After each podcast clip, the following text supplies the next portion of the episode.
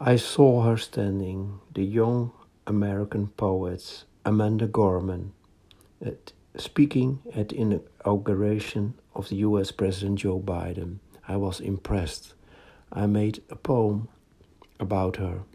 You can hear it now. Amanda Gorman, I saw you standing there, far away, in America, a country divided by colors I heard the colors in your voice. I saw the colors that you were wearing. Yellow, the color of the sun. Red, the color of love. You were strong enough to merge history with hope, future, and love. You were brave enough to stand there for justice. I, a man in the Netherlands, much older than you, must learn from you. Learn from you who is brave enough to point to the right direction, to the north, to the west, to the east, to the south.